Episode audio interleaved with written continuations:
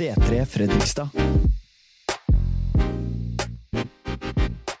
Er dere klare for en preken i dag? Ja. Jeg skal først starte Jeg skal snakke om Den hellige ånd i dag.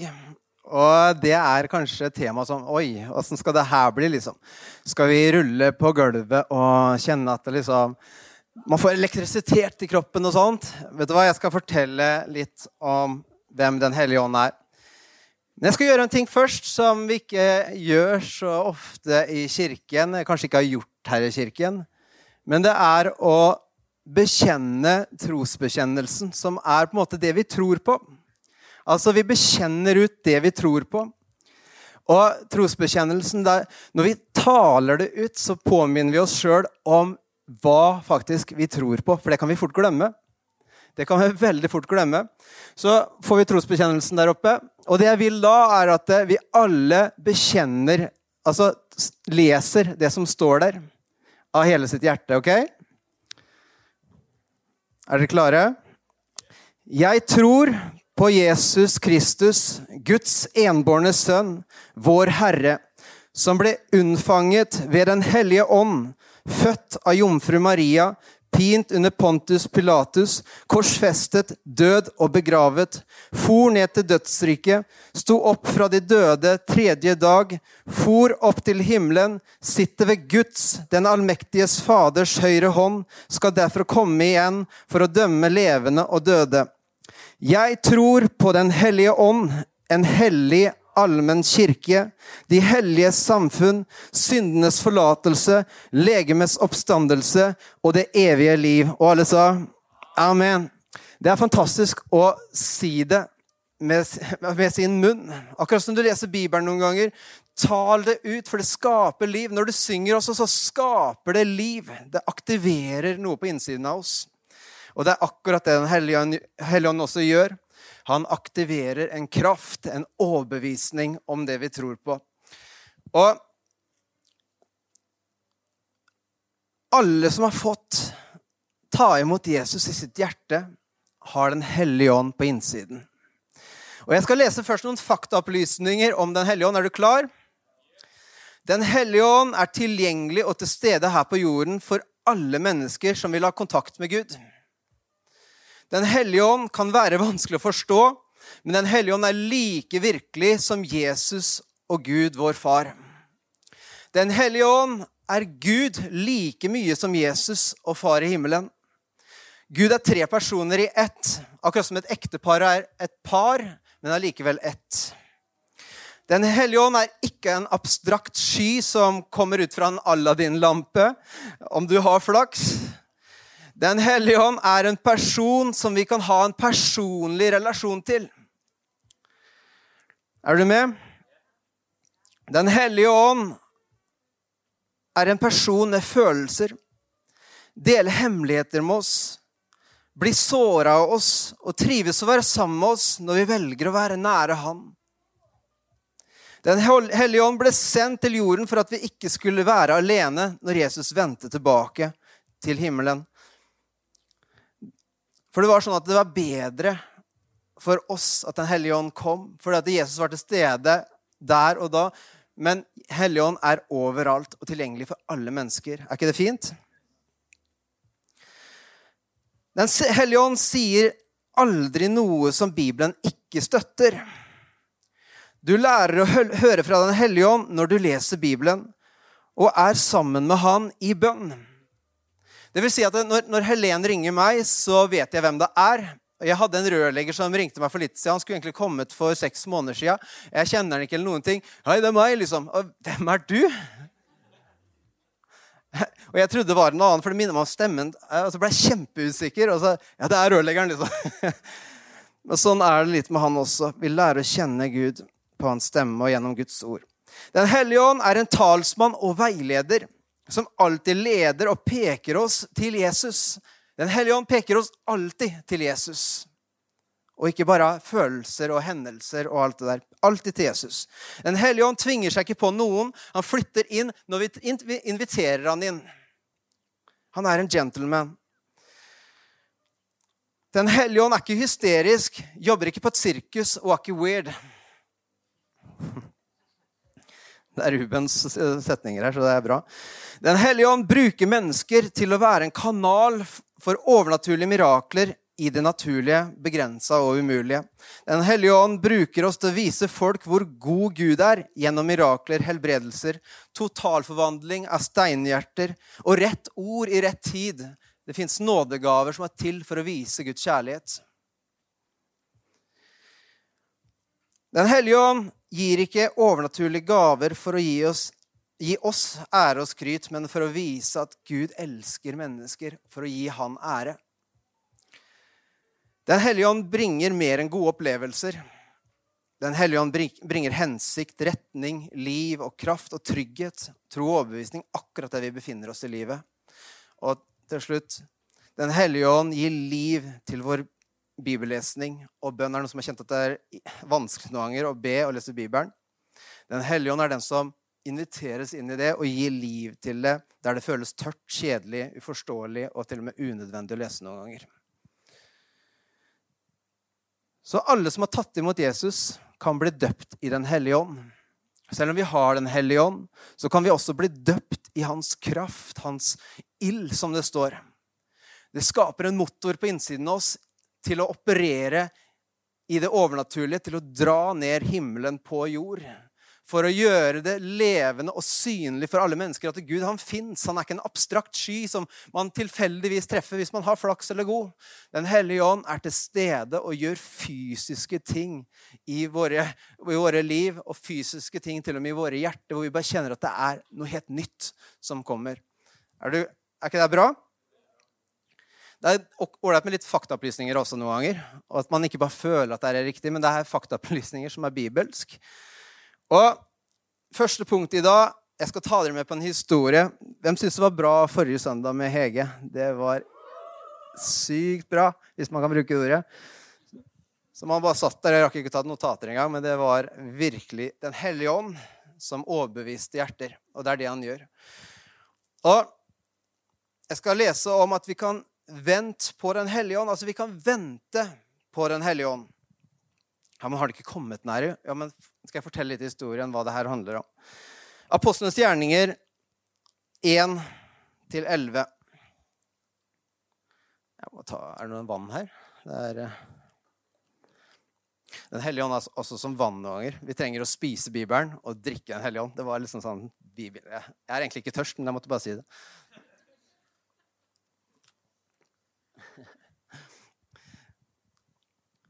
I min første bok, Theofilus, skrev jeg om at det Jesus gjorde og lærte fra begynnelsen, av og til den dag han ble tatt opp til himmelen, etter at han ved Den hellige ånd hadde gitt sine påbud til de apostler han hadde utvalgt. Han sto framfor dem etter sin lidelse og død og ga dem mange klare bevis for at han levde. I 40 dager viste han seg for dem og talte om det som har med Guds rike å gjøre. En gang han spiste sammen med dem, sa han, dere skal ikke, dere skal ikke forlate Jerusalem, men vente på det som Faderen har lovt, og som jeg har talt om. For Johannes døpte med vann, men dere skal om noen få dager døpes med Den hellige ånd. Mens de var samlet, spurte han de, Herre, vil du på den tid gjenreise riket for Israel? Han svarte, det er ikke deres sak å kjenne de tider og stunder Faderen har fastsatt av sin egen makt. Men dere skal få kraft når Den hellige ånd kommer over dere, og dere skal være mine vitner i Jerusalem og hele Judea, i, Sama i Samaria og like til jordens ender. Da han hadde sagt dette, ble han løftet opp mens de så på, og en sky skjulte han for øynene deres. Da de sto og stirret opp mot himmelen og så etter han idet han dro bort, sto det med ett to menn i hvite klær foran dem og sa, Galileere, hvorfor står dere og ser opp mot himmelen? Denne Jesus som ble tatt opp til himmelen fra dere, han skal komme igjen på samme måte som dere har sett ham fare opp til himmelen. Her har vi en story, en begynnelsen på en story i apostlenes gjerninger som utvikler seg etter hvert, og det skal vi også preke om. Men det her med venting, det her med tid, det her med å føle seg ensom når man trenger en forandring Frustrasjon Er det noen som har hatt det noen ganger? Bare føle at 'jeg kan ikke vente', 'jeg trenger det her og nå'. Det, det oppstår en slags frustrasjon, en utålmodighet når det gjelder tid. Kommer ikke Gud, liksom? Kommer han ikke snart? Ser han ikke at jeg har det dritt? Ser han, ikke at det, liksom, det er nå jeg trenger han? Hvorfor venter han? Kommer han alltid i siste sekund? Og Spesielt når vi er i den vanskelige situasjonen, da, som, som disiplene var her. De ble jo forfulgt for sin relasjon med Jesus. De hadde vært sammen med Jesus. Og Jesus hadde dødd på korset, og de her var også forfulgt, for nå sto de der liksom uten Jesus og følte seg rimelig ensomme. Før så hadde de liksom Jesus framme der som tok støyten for dem. Men nå var de alene. Og folk kunne faktisk drepe dem når som helst. Og så sier Jesus og så sier han at vet du hva? Forbli i Jerusalem. Forbli i Jerusalem til Den hellige ånd kommer. For den visste at nå hadde den liksom stukket jo hele pakka der. Altså, Åssen i all verden kan finne på noe sånt? Jeg trodde vi var friends, liksom. Jeg trodde vi var buddies, og så stikker du. Hvilket vennskap. Men han sier at jeg sender Den hellige ånd, som skal være hos dere, som skal tale ut det jeg taler. Fordi Den hellige ånd, Gud vår far og Jesus, de er ett. De taler den samme sak. De har ett hjerte, én vilje. De har én bønn for oss som mennesker. Og det at vi skal få lov til å bli kjent med Han og få en evighet i himmelen. Og Disiplene var i en vanskelig situasjon. og Hadde dette vært meg, da, så hadde jeg rømt med en gang jeg hadde pila vekk. Jeg har ikke lyst til å dø. Og når jeg ser at Jesus er her ikke lenger, så hadde jeg i hvert fall stukket fra Jerusalem. Jeg vet ikke åssen det er med deg. Ja, men jeg har tro, sier du. Men jeg tror jeg hadde stukket. Jeg tror sannelig meg at jeg hadde dratt til eh, her i Fredrikstad og skulle skje, så hadde jeg dratt til Sarpsborg. Da hadde jeg flytta til Sarpsborg. Ja. For kanskje ingen kjenner meg igjen der. Og de fleste av oss blir jo stressa når vi plutselig ikke har penger nok. Når eh, vi venter på den der etterlengta, perfekte kjæresten som vi liksom aldri får. Og når vi må ta riktig valg her og nå, og skolevalg og utdanning og Hva skal jeg gjøre med livet mitt? Og vi kanskje har en bunke med oppgaver og forpliktelser som, eh, som venter på oss. Vi prøver å få liksom hverdagen til å gå rundt. Vi trenger noe nå. Mens her så står det 'vent på Den hellige ånd'. Vent på Den hellige ånd. Og når vi venter på Gud, at vi kan søke å ha vår trygghet i Gud, i det umulige, i det uvisse, i det uvante, så gir vi faktisk Gud rom til å både promotere oss i rett tid, til å lede oss dit vi trenger å bli leda, til å åpne dører for oss der det har vært stengt og få forsørge oss der vi ikke har mulighet til å klare det sjøl og få inn de pengene, eller hva det er. Og vise oss hva han kan gjøre midt i det vanskelige og umulige. Det å vente til Den hellige ånd taler til oss. Så vi får en overbevisning om hva Gud sier om saken. For Den hellige ånd viser oss Guds vilje. Mens vi tenker at eh, Vet du hva? Jeg må ta tak i det her. Må, nå må jeg fikse noe. ikke sant? Og så at vi glemmer å vente på at Den hellige ånd taler til oss, kommer til oss, gir oss kraft og gir oss frimodighet for det som ligger framfor. At frykten forsvinner når Den hellige ånd kommer inn og viser vei til oss. Og Vi trenger Den hellige ånd. Han er en person like mye som Jesus og Gud, vår far og han ønsker å bli kjent med oss. Han er ikke en sky, han er ikke en kraft, han er ikke en energi. Han er en person de kan bli kjent med, som er verdt vår tilbedelse like mye som, som Jesus og far, fordi vi gir tilbedelse til Gud.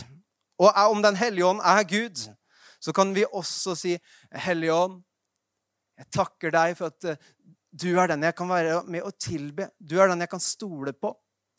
Og Derfor ble han sendt. Jesus har aldri sendt Den hellige ånd hvis han var uperfekt. Eller bare en diffus greie som Skal se om jeg gidder her i dag å hjelpe, hjelpe noen, liksom. Nei, det er Gud. Og ofte så rusher vi gjennom livet og bare tar, altså, tar styringa på hverdagen sjøl. Jeg kjenner meg igjen i det. Du kjenner meg Altså Kanskje her på søndag så tenker vi at vi følger Gud, og vi synger. Og, men vet du hva? det fins en hverdag på mandag hvor vi også kan høre Gud, hvor vi også kan være, være sammen med Den hellige ånd. Hellige ånd, hva sier du til meg nå om de tinga der? Hva kan du gjøre, Hellige Ånd, med de tinga som jeg strever med? Hellige Ånd, kan du overbevise meg, for jeg har ikke tro akkurat nå. Jeg kjenner at jeg har ikke tro på, på verken Gud eller på at noe skal fikse seg. Så overbevis meg, gi meg tro, Hellige Ånd, og vis meg hvem Jesus er i denne situasjonen her. Og jeg må si at Sjøl har jeg gått gjennom litt sånn ørkenperioder, sånn venteperioder som har vært ekstremt frustrerende. Annet den tida jeg har gått i nå. Vært nesten sju måneder sykemeldt og trappa opp til 20 forrige måned og 40 nå. Og kjenner det at det, er en veldig rar periode for meg. Eh, men samtidig så er det en periode hvor jeg ikke, når jeg ikke orka som noe som helst, så har Den hellige ånd talt. For noen ganger så skal det ikke så mye til. Det kan være et sukk. Det kan være 'Gud, jeg kan ingenting, men jeg trenger deg'. Og Jeg vet ikke hvordan jeg kan stole på deg, men jeg gjør det likevel. ikke sant? Og i slutten av februar var jeg på kontoret, og da bare Jeg var så utrolig sliten og egentlig lei alt jeg holdt på med. Er det noe som har vært sånn noen ganger? Du har bare lyst til å slutte. Du har bare lyst til å Jeg er glad i dere, altså, men jeg har bare slutt, slutt å være Jeg har ikke lyst til noen ting. Er det lov å si det? Jeg står jo her i dag, så jeg gjorde det ikke. Men det var sånn jeg følte. Jeg var helt utmatta og lei. Og jeg orka ikke, ikke, å be. Jeg orka ikke å skrive en preken. Jeg orka ikke å se med håp på framtida engang. Jeg bare liksom var der og da og prøvde å eksistere og overleve. Og Sånn føler selvfølgelig ingen andre her, men jeg var der i hvert fall. Men akkurat da så kom faktisk Den hellige ånd mens jeg lå på sofaen der. Ironisk. Før så er jeg liksom Å, Hellige ånd, vis meg det her. Men når jeg ikke gjorde noen ting og bare, Hvis jeg skal fortsette nå, så er det bare opp til deg, Gud. Hvis jeg skal fortsette nå, så må du bare ta over de greiene her. For nå orker jeg ikke mer. Og du er så treg, og du har ikke gjort noe det jeg har sett på sju år, så nå får du sannelig skjerpe deg, liksom. Ja, men Litt sånn, da. For sånn er mitt språk til Gud. Jeg er ganske, jeg bare sier det jeg føler til Gud. Jeg prøver å være transparent med Gud og ærlig med Gud. Og han hører på meg, gitt. Og Den hellige ånd kom over meg for til hjelp for at jeg, jeg, visste ikke hva jeg skulle be om. Og det står om i Bibelen nå. Noen ganger så vet du ikke hva du skal be om, men Den hellige ånd kommer deg til hjelp. Han går inn i forbønn for deg, for du vet ikke. Og Den hellige ånd vil, altså, han ville snakke med meg. Og jeg bare ble stille, for jeg kjente at Den hellige ånd var der. Og jeg bare satte meg tilbake i sofaen, og jeg lytta, og jeg begynte å gråte. For det her, det her lengta etter. Ikke sant? Og han, klar, han ga meg så klare instrukser om hva som skulle skje. Dung, dung, dung. Altså ti bud, liksom. Dung, dung. Alt nedover. Sjelden jeg får så detaljert, men jeg begynte å bare skrive og kjente Den hellige ånd. Jeg holdt på flere timer. Det her skulle skje med meg, det her skulle skje med kirken, det her skulle skje med ulike personer. Og det, det, er kult, er det ikke det? Men det er ikke, er ikke sånn jeg ofte føler det var der og da. Og Den hellige ånd viste meg at etter sju år som kirke ville Den hellige ånd gi oss alle et valg om å følge Jesus helhjerta eller ikke. Det var det han visste. At Kirken får et valg nå gjennom den måneden som kommer. Da visste jeg ikke om korona. Jeg visste ikke om noen ting. Men dette var i slutten av februar. Og jeg fikk se saltstøtter. Og jeg håper at ingen er det, hvis det er for dere som kjenner historien. Ikke fordi at Gud vil holde noen tilbake, men fordi man selv vil heller forbli i det gamle. Det er noe man vil. da. Man vil forbli det gamle istedenfor å tro og følge Jesus inn i det som er ukjent for meg. Ikke sant? Akkurat som israelittene i historien om Moses ikke kunne komme inn i det nye, nye landet, kun Josva og Caleb og alle under 20 år. Og jeg så også flere som, he, som helhjerta ville følge Jesus, som skulle over en seksmånedersperiode bli kalt og utrusta til å ta ansvar, være med og innta et nytt land. Og være en armé av en helt ny enhet.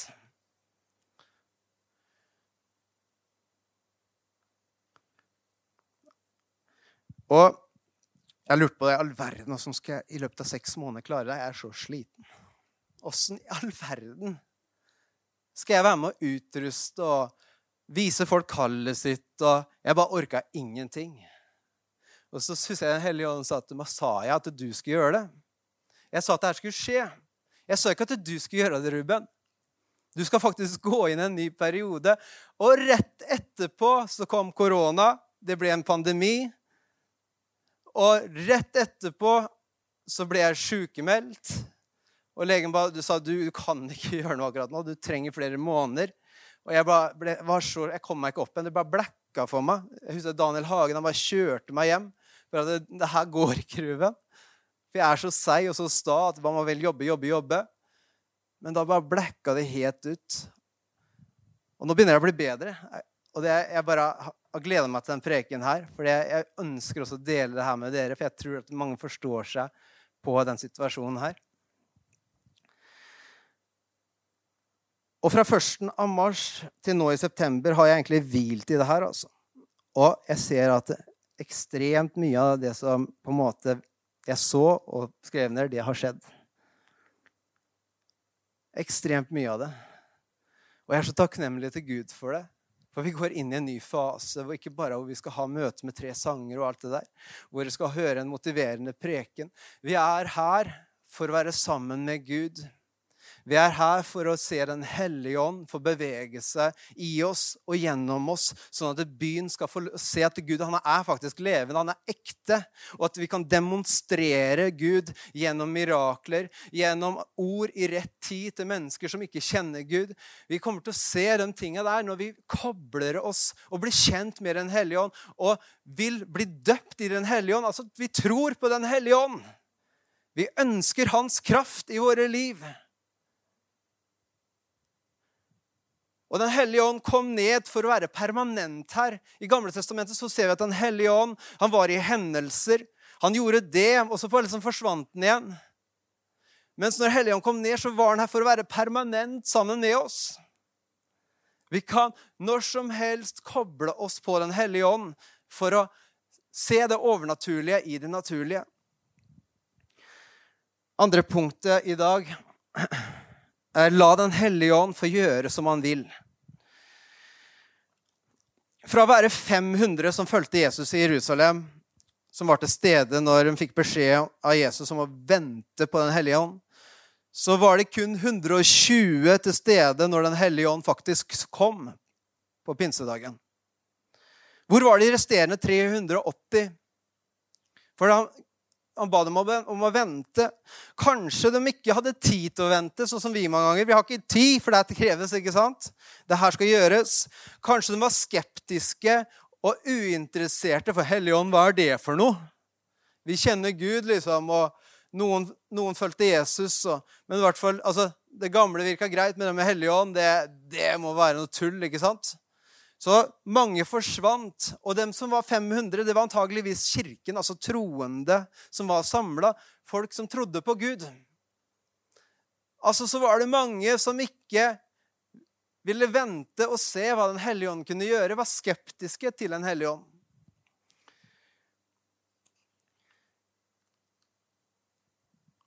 Og fordi Den hellige ånd gjør ting på sin måte, og ikke alltid vår måte, så blir, er det mange som kanskje ikke gjenkjenner Den hellige ånd. da. Åssen i all verden kan de ha den sangen?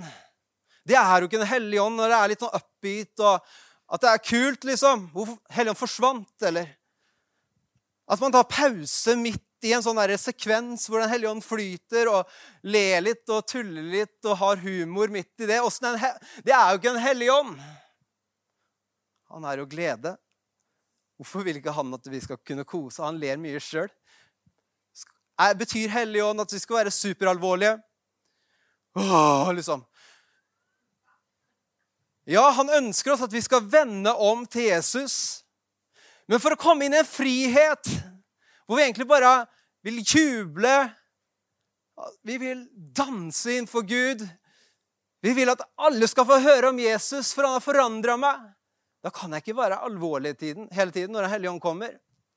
Og vi, Den hellige ånd gjør det på sin måte, men vi gjenkjenner det ikke. For det var ikke sånn som før, når Den hellige ånd kom. For vi relaterer til ulike ting. Den hellige ånd bruker hvem personer han vil, hvem stiler han vil, hvem sanger han vil, og hvilket sted han vil.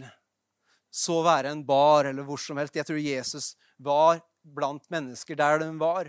Sammen med prostituerte, sammen med tollere som stjal penger. Han var der mennesket var. Og Den hellige ånd fungerte alle steder. Den hellige ånd kan ikke kontrolleres av våre kristne regler. Han kan ikke kontrolleres av våre tradisjoner, våre erfaringer eller synspunkter. Han, han, det kan være fra Gud, de tinga der, men han kontrolleres ikke av det. Han gjør sin greie ut fra Guds ord og det som er Guds karakter og hans vilje. Og ethvert profetisk ord, enhver ting som vi hører fra Den hellige ånd, det kan dømmes, det kan prøves ut fra Guds ord alltid. Derfor er det viktig å ikke bare si at 'jeg har hørt fra Den hellige ånd', for det bør ikke være Den hellige ånd. Det, det, det tåler å prøves fra mennesker som også hører fra Den hellige ånd. Og gjør det gjerne før du setter i gang. Bare hør med mennesker som du stoler på, som du vet har med Gud å gjøre. Hva syns du om det her? For du er ikke redd for å si det. For når du vet at det er en hellig ånd, så, så, sier du det. Og jeg og Len vi gjør sånn. Mange ganger så kjenner jeg at her er Gud. liksom. Og så Kanskje ikke timing er riktig, og jeg, jeg sier det til Len, og hun bare sier nei. Ja, men jeg føler jo at det er riktig. Nei, men nei, jeg gjør ikke jeg, liksom. Ja, men jeg er mer kontakt... Nei. og så blir det sånn derre Jeg kjenner jo det, liksom. Og så sier du liksom Ja, men kanskje der framme, men nå skal vi gjøre det her, da. Ikke sant? Og vi må være enige før vi gjør noe. Det har vi tatt en beslutning om hjemme. at det, vi hører fra Gud, og tåler, vi tåler å snakke med hverandre. Den kloke har rådgivere, står det. Og i Apostlenes gjerninger 2, 1-4, da sto det Da pinsedagen kom, var de alle samlet på ett sted, altså de 120. Plutselig lød det fra himmelen som når en kraftig vind blåser, og lyden fylte hele huset hvor de satt. Tunger av ild viste seg for dem, delte seg og satte seg på hver enkelt av dem. Da ble de fylt av Den hellige ånd, og de begynte å tale på andre språk ettersom ånden ga dem å forkynne. De fikk nå oppleve Guds overnaturlige kraft på en måte de aldri har opplevd det før. Og de fikk oppleve at eh, Gud, han er jo faktisk ekte. Det vi venta på, det var jo faktisk ekte likevel. Gud hadde jo kontroll. Takk Gud for at jeg venta. Takk Gud for at jeg hørte på Han. Takk Gud for at jeg hørte på mennesker som har med Gud å gjøre. Takk Gud for at jeg stola på Guds ord. Og alle ble fylt av Guds ild og kraft. Og de fikk tungetale, og de fikk Altså, De tyda til og med på andre språk som de ikke kjente, sånn at alle kunne høre hva Gud ville si til dem der de var samla. Hva i all verden er det for noe? liksom? Men det er en overnaturlig ting. og de, Hva er det her for noe? De ble jo veldig, de som var rundt der. Hva er det her for noe, liksom? Og jeg leser videre i Apostlenes gjerninger fra, vers, eh, fra kapittel 2, vers 13 til 21. Men noen gjorde narr av dem og sa de har drukket seg fulle på søt vin. Da steg Peter fram sammen med de, hevet stemmen og talte til dem. Jødiske menn og alle dere som bor i Jerusalem, merk dere hva jeg sier, og lytt nøye til mine ord. Disse menneskene er ikke fulle slik dere tror. Det er jo bare tredje timen på dagen. Men her skjer det som sagt gjennom profeten Joel. I de siste dager skal det skje, sier Gud, at jeg øser ut min ånd over alle mennesker. Deres sønner og døtre skal profetere, de unge skal se syn, og de gamle skal drømme drømmer. Selv over mine slaver og slavekvinner vil jeg i de dager øse ut min ånd, og de skal tale profetisk. Jeg setter varsler oppe i himmelen og tegn nede på jorden, blod og ild og røykskyer. Solen skal forvandles til mørke og månen til blod før Herrens dag kommer, den store og strålende. Men hver den som påkaller Herrens navn, skal bli frelst. Hver den som påkaller Gud, Herrens navn, Den hellige ånd Hver den som påkaller Gud, skal bli frelst. Den skal bli redda. Den skal ikke frykte. Det Den hellige ånd gjør her, det er ikke et sirkus. Altså Det kan virke som et sirkus, for det skjer ting som Det er jo sprøtt. Men det har en mening og en hensikt. Og før så tenkte jeg jeg oppsøkte Jeg kommer fra en bakgrunn hvor jeg oppsøkte hendelser, følelsesmessige ting som fikk meg til å tenke at å, nå elsker Gud meg. liksom. Å, nå, nå kjenner jeg at jeg er kristen, for nå, nå opplever jeg liksom den greia, den følelsen, de riktige følelsene, den hendelsen som skjedde. Men det Den hellige ånd har, det er et fundament som ligger i bakgrunnen av Jesus og hans vilje om å vise kjærlighet til alle mennesker sånn at de forstår at Jesus er der for dem. Alle nådegavene som står i Bibelen, er der for å gi kjærlighet, og ikke for å skape sirkus og opphøye mennesker. Det er for å opphøye at han lever, og han er stor, og han kan gjøre det umulig mulig.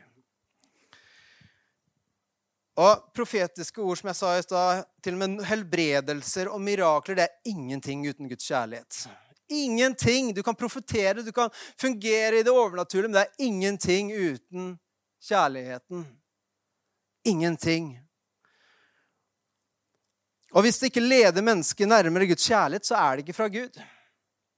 Du kan se overnaturlige ting som skjer, men det er ikke fra Gud hvis det ikke leder oss fram til Guds hjerte, fram til Jesus. Da er det menneskeskapt, eller det er en ånd som ikke er fra Gud, som virker som skaper forvirring og skaper en attraksjon, men det har ikke noe fast trygghet å holde seg til. Det blir kun en, blir kun en hendelse en godfølelse der og da.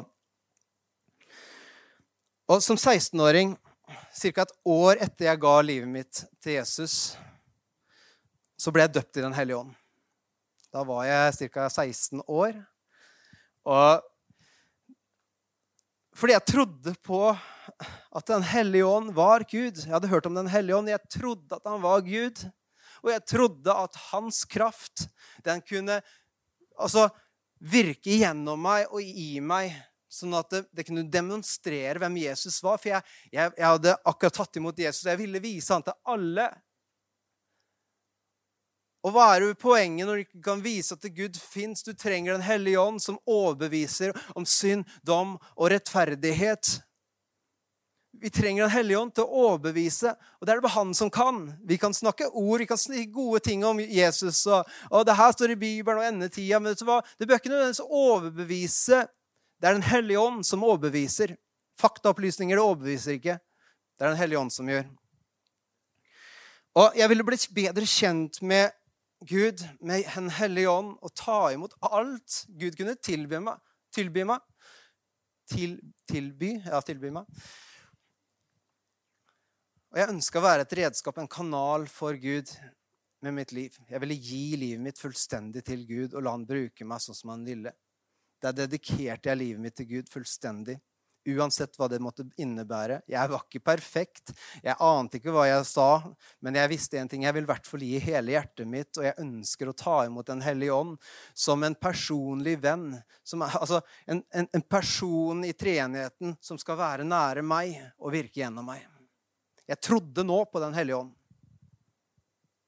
Akkurat som jeg tok imot frelsen gjennom tro, altså ved Guds nåde, så tok jeg imot frelse, jeg tok imot Jesus. Så kan jeg også ta imot Den hellige ånd ved at jeg tror på også Den hellige ånd i treenigheten. Og at han, at han bor i meg, men også kan virke gjennom meg. For Den hellige ånd bor allerede i deg når du blir frelst. Men at han også kan virke i meg, og at jeg kan kommunisere med han og ha personlig relasjon med han. Det er det vi tror på. Og da kan du bli døpt med Den hellige ånd. Og det skjedde på et møte i en kirkehus, og jeg ble plutselig fylt av Den hellige ånd og kjente som en brann på innsiden. Det er kanskje noen av dere som har blitt åndsdøpt. og Det kan skje på mange måter, og det er ikke sånn én følelse er riktig, da er du åndsdøpt. liksom. Eller at du taler tunger med en gang, at da er du åndsdøpt, for det er mange som sier. Men det, det, det, er en av nådegavene. ikke sant? Men det at du blir døpt med Den hellige ånd, det fører ofte mange ganger til at du også taler i tunger.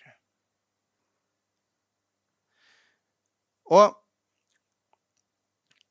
jeg kjente en brann på innsida. Og jeg ba også om tungetale, husker jeg etterpå. Og jeg, jeg, hørte andre gjorde det, men det fikk jeg liksom ikke med en gang. Men det og så plutselig så kom det litt etterpå, så fikk jeg tungetale òg. Og da begynte jeg å snakke. Jeg bare sa ett ord. Kirmashanto eller noe sånt. Det var det, tror jeg. Jeg bare What? For det kom tilbake, og jeg kjente liv når jeg sa det. Jeg bare kjente, Det er et eller annet med det ordet der, liksom. Det er et eller annet som bare skjer i meg når jeg sier det. Fordi tungetale er et språk med Gud, mellom deg og Gud. For Noen ganger så vet vi ikke hva vi snakker om, men Den hellige ånd og du snakker snakker sammen. Det er til en oppbyggelse for deg når du snakker i tunger. Og Den hellige ånd er til for å kommunisere, og det kjenner vi på innsiden. Ofte får vi se ting når vi taler i tunger. Og taler i tunger fra en scene, da skal det også være en tydning. Hvis ikke så blir det wasted. Det står også med Bibelen. Det er ingen som forstår det. Hva er vitsen med det? Og Mange står og taler i tunger fra en scene, men det er ofte for egen oppbyggelse. Det har ikke så mye med andre å gjøre. Det er mer om at jeg har ikke fått noe fra Gud, så nå må jeg liksom høre hva han egentlig skulle si. Noe man kunne gjort før møtet starta og du kom på scenen.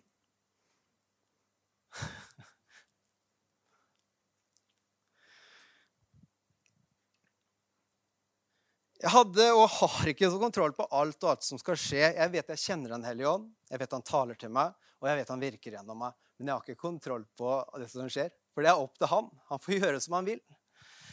Og Jeg vet ikke hvordan det er med deg, men det er vanskelig å forstå seg på Den hellige ånd og alt det der. For det står at Den hellige ånd kom, og han gjorde ting, og han, han kom som ild ned, og det står, om, det står sånn påler av, av ild i Gamletestamentet. Det er så mye forskjellig, man blir lett forvirra av det. Men én ting vet jeg, jeg skjønner meg ikke på det, jeg, jeg leser om det, men jeg, jeg klarer liksom ikke helt se den røde tråden alltid. Men én ting vet jeg, at Den hellige ånd fins, og at han bor i meg og kan virke gjennom meg og gjøre hva han vil. Det siste punktet før vi avslutter, det er La Den hellige ånd få bruke deg der du er, der du er sammen med andre mennesker. I Apostelens gjerninger 4, 4-13 så står det Men mange av dem som hadde hørt budskapet, kom til tro. Altså Peter hadde snakka ut her. Han hadde delt evangeliet i en stor frimodighet. Og tallet på menn var nå omkring 5000 snakk om et møte hvor 5000 tok imot Jesus. Dagen etter kom jødenes rådsherrer, de eldste og de skriftlærde sammen i Jerusalem. Også øverstepresten Annas var der. Og Kaifas, Johannes og Aleksander sammen med de andre som var i slekt med øversteprestene. De lot apostlene bli ført fram og forhørte dem. Med hvilken kraft og hvilket navn har dere gjort dette? Da ble Peter fylt av Den hellige ånd og svarte dem, rådsherrer og eldste i folket. Når vi da blir forhørt på grunn av en velgjerning mot en syk mann og blir spurt om hvordan han er blitt helbredet, så skal dere, skal dere vi alle og hele Israels folk vite dette. Når denne mannen står frisk foran dere, er det ved navnet til Jesus Kristus, Nasareeren, han som dere korsfestet, men som Gud reiste opp fra de døde. Han er steinen som ble vraket av dere bygningsmenn, som, men som er blitt hjørnesten. Det finnes ikke frelse i noen annen, for under himmelen er det ikke gitt menneskene noe annet navn som vi skal bli frelst ved. Da de så hvor frimodige Peter og Johannes var, og forsto at de var ulærde menn av folket, så undra de seg. De, viste, de visste at de hadde vært sammen med Jesus. Og da de så mannen som var helbreda, stå der sammen med dem, så kunne de ikke si imot. Den hellige ånd hadde demonstrert hvem Jesus var. Det var ikke en abstrakt ting, det her med Gud lenger. Det var en konkret ting. Himmel kommer ned på jord og skaper hva det nevner. Altså hva Guds vilje nevner. Det, det blir synlig for menneskene. Og de kunne ikke si noe imot det. De hadde kanskje faktaopplysninger. Det, det er ikke sånn det er. Men så ser de det sjøl. Hva kan de si da? Og når vi tør å vise mennesker hvem Jesus er, og ta med Den hellige ånd i det vi gjør, så vil Den hellige ånd stå for det overnaturlige. Mens vi gjør det vi kan, så gjør Den hellige ånd det han kan. Men vi må stole på at Den hellige ånd er med oss og kan virke gjennom oss. Han vil demonstrere for mennesket hvem Jesus er, og vise sin makt gjennom de miraklene og alt som han gjør. Og du kan være fylt og drevet av Den hellige ånd. Og det kjenner jeg ofte. Jeg kjenner at Den hellige ånd kommer over meg, og jeg blir frimodig. Jeg, kan, jeg, bryr meg ikke om hva jeg sier, så lenge det, jeg kjenner at det er Guds ord og Den hellige ånd som står bak det. Så er det ikke vits å være rund i kanten og pakke det inn med liksom sånn at alle skal bli glad. Man, man, må si hva som står her, for det er det som Den hellige ånd virker gjennom Guds ord. Og det skiller hva som er kjøtt, altså våre menneskelige ting, som ja, liksom, og hva som er fra Gud. Og Den hellige ånd peker alltid på Gud, på Jesus. Om vi aldri står fram for det vi tror på, Aldri tar med Hellig Ånd i det vi gjør. snakker med Han. Bruker tid sammen med Han. Ber bare for at det føles, føles ikke sånn Jeg orker ikke, jeg føler ikke for det. Det er så mye med familien, det er så mye med jobben. Men hvis vi søker Guds rike først, så skal vi få alt andre i tillegg. Da skal Gud komme med sin kraft gjennom Den hellige ånd og, og gjøre det umulig mulig. Og det står til og med at eh, hvis ikke vi tror på det her, så bør vi bør ikke klage på at ingenting skjer, tenker jeg. Det er så mange Ingenting skjer i kirken. Ingenting skjer når liksom Ja, men ha, tror du på Den hellige ånd? Tror du på det som står i den boka? Vet du hva, Da kan du ikke si at det, ja, men ingenting skjer, og ingen møter Gud, og ingen får mirakler. Den hellige ånd vil gjøre det, og han kan gjøre det, og noen ganger må vi vente. Men det bygger en ny tro i oss. Når vi venter på Den hellige ånd, så vet vi like mye. Vi, vi har tro mens vi venter. For Gud er trofast til sine løfter og det han sier. Han kan ikke ljuge, og han kommer aldri for sent. Og vi må stå opp for det vi tror på, for det står i Bibelen at det skam deg ikke over evangeliet, den gode nyheten om Gud, om Jesus. For det er en Guds kraft til frelse for hver dem som tror. Det er en kraft til frelse for hver dem som tror. Det er en kraft, Hva betyr frelse? Det betyr hjelp. Det betyr at man blir redda opp fra mørket. Det betyr at man egentlig hadde fortjent å komme ned dit, så kom man opp dit. Altså, Frelse betyr at man nå er fri. Man er redda. Og det er det for hver den som tror. Så derfor skammer vi ikke over. Vi kan ikke skamme oss over Jesus over Den hellige ånd. At vi taler i tung. Nei, det er ikke sånn. vet du, I kirken vår så, så, er det sånn Bare kom som du er, og der er det sånn. Og, altså, Vi tror på det vi tror på, og vi står opp for det. For det er da det kommer kraft. Og Vil du ha en kraftløs kirke, vil du ha et kraftløst liv, så ta bort Den hellige ånd. For det er han som har kommet for å være blant oss og virke gjennom oss med sin kraft. For å vise verden at Jesus lever. Er dere fortsatt der? Og Da jeg ble åndsdøpt, så fikk jeg oppleve at Gud var ekte. Han var stor, han, han var kraftfull. Og, Og hadde han helhjerta elska meg og var interessert i meg. Det ble så intimt. Og jeg husker jeg må ha mer av Gud, jeg må ha mer av Den hellige ånd. Det her var jo fantastisk. Jeg hadde flytta en motor på innsiden av meg som bare å, Når jeg søkte Gud, så fikk jeg smake på det. Jeg ville ha, bare ha mer. Man vil jo bare ha mer når man får smake og kjenne at Gud er god, og at Den hellige ånd bare sier Vet du hva? Gud elsker deg, jeg elsker deg. Vet du hva? Kom nærmere, sånn at vi kan være venner. Og At du kan høre hemmelighetene fra Gud, og at du kan distribuere det som er Guds rike, ned på jorda blant mennesker. Og jeg ville bare trosse min, for jeg var så sinnssykt beskjeden. Jeg, altså, jeg, jeg, all, jeg rakk aldri opp handa i timen. Jeg, var så beskjeden. Altså, det var skammelig beskjeden. Og var du det, Ruben? Ja, jeg var, jeg var, og er fortsatt veldig introvert. Jeg tok en sånn personlighetstest. Jeg er rundt 90% introvert. Og så står jeg her. Men det var noe som skjedde med meg når jeg tok imot Den hellige ånd. Ja, jeg er fortsatt introvert, men Den hellige ånd virker gjennom meg. Allikevel. Du kan si at jeg har ikke personligheten til å gjøre de tinga. Det hadde ikke jeg heller, og har ikke jeg heller men man velger å tre inn i det. Og jeg hadde menneskefrykt. Jeg lurte på hva mennesker tenkte om meg, og hva de skulle si om meg. og Kanskje jeg ble Altså, jeg hadde klart meg såpass greit i klassen og hadde noen venner. Kanskje jeg skulle miste dem. Og, fordi jeg ville dele det jeg hadde opplevd med Jesus med andre. Og nå var jeg ikke redd lenger. Nå bare følte jeg at nå må jeg gi alt for at mennesker skal få oppleve det samme som meg.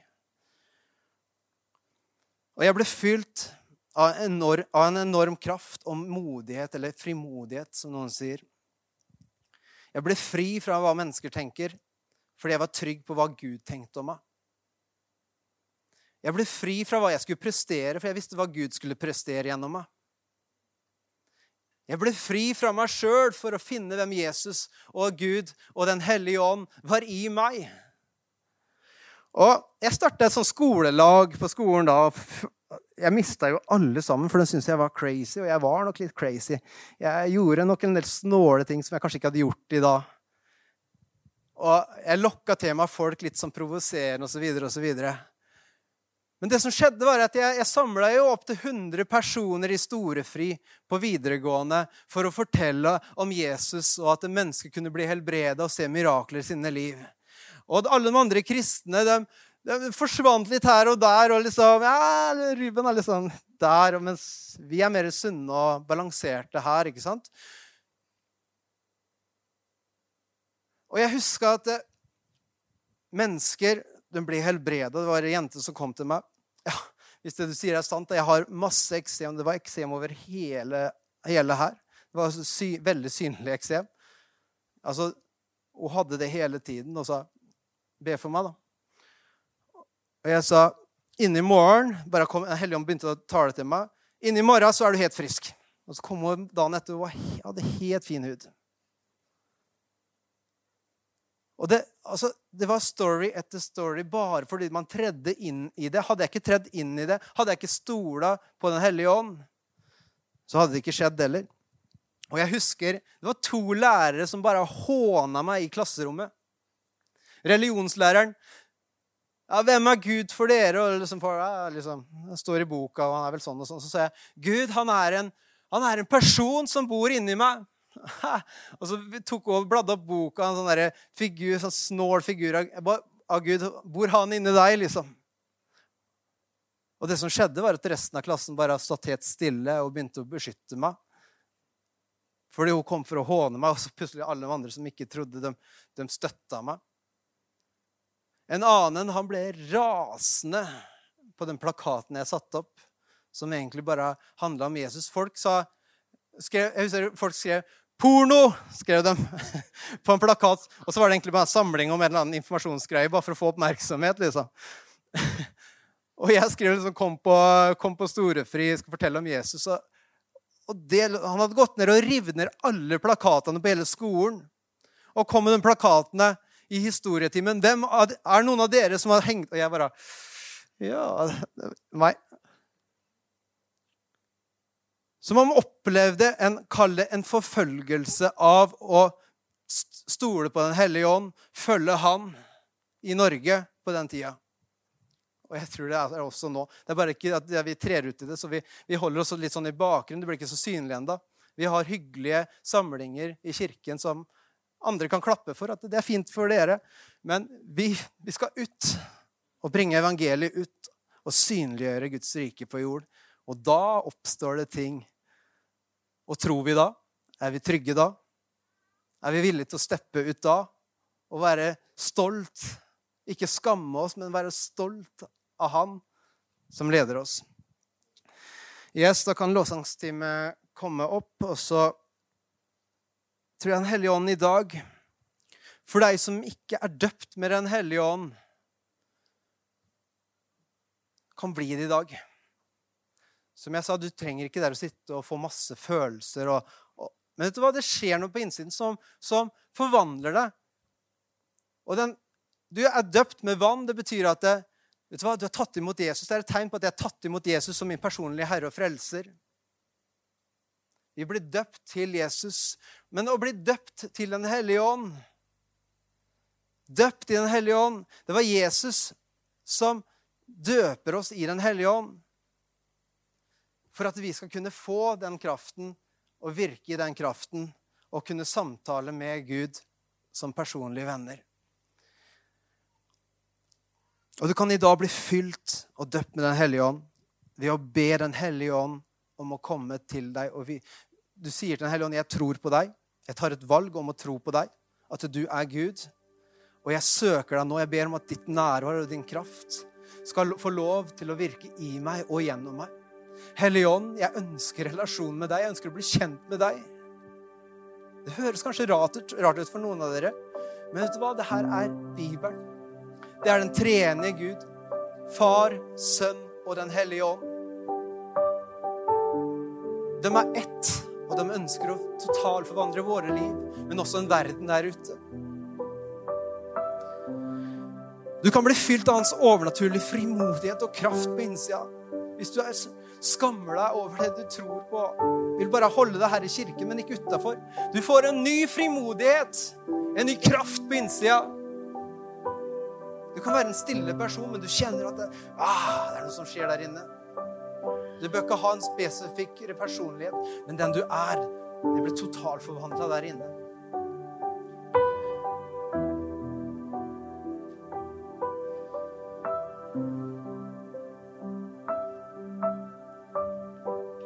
Trenger ikke overbevise deg sjøl om det her, men la Den hellige ånd få overbevise deg. Skal vi reise oss opp, alle sammen?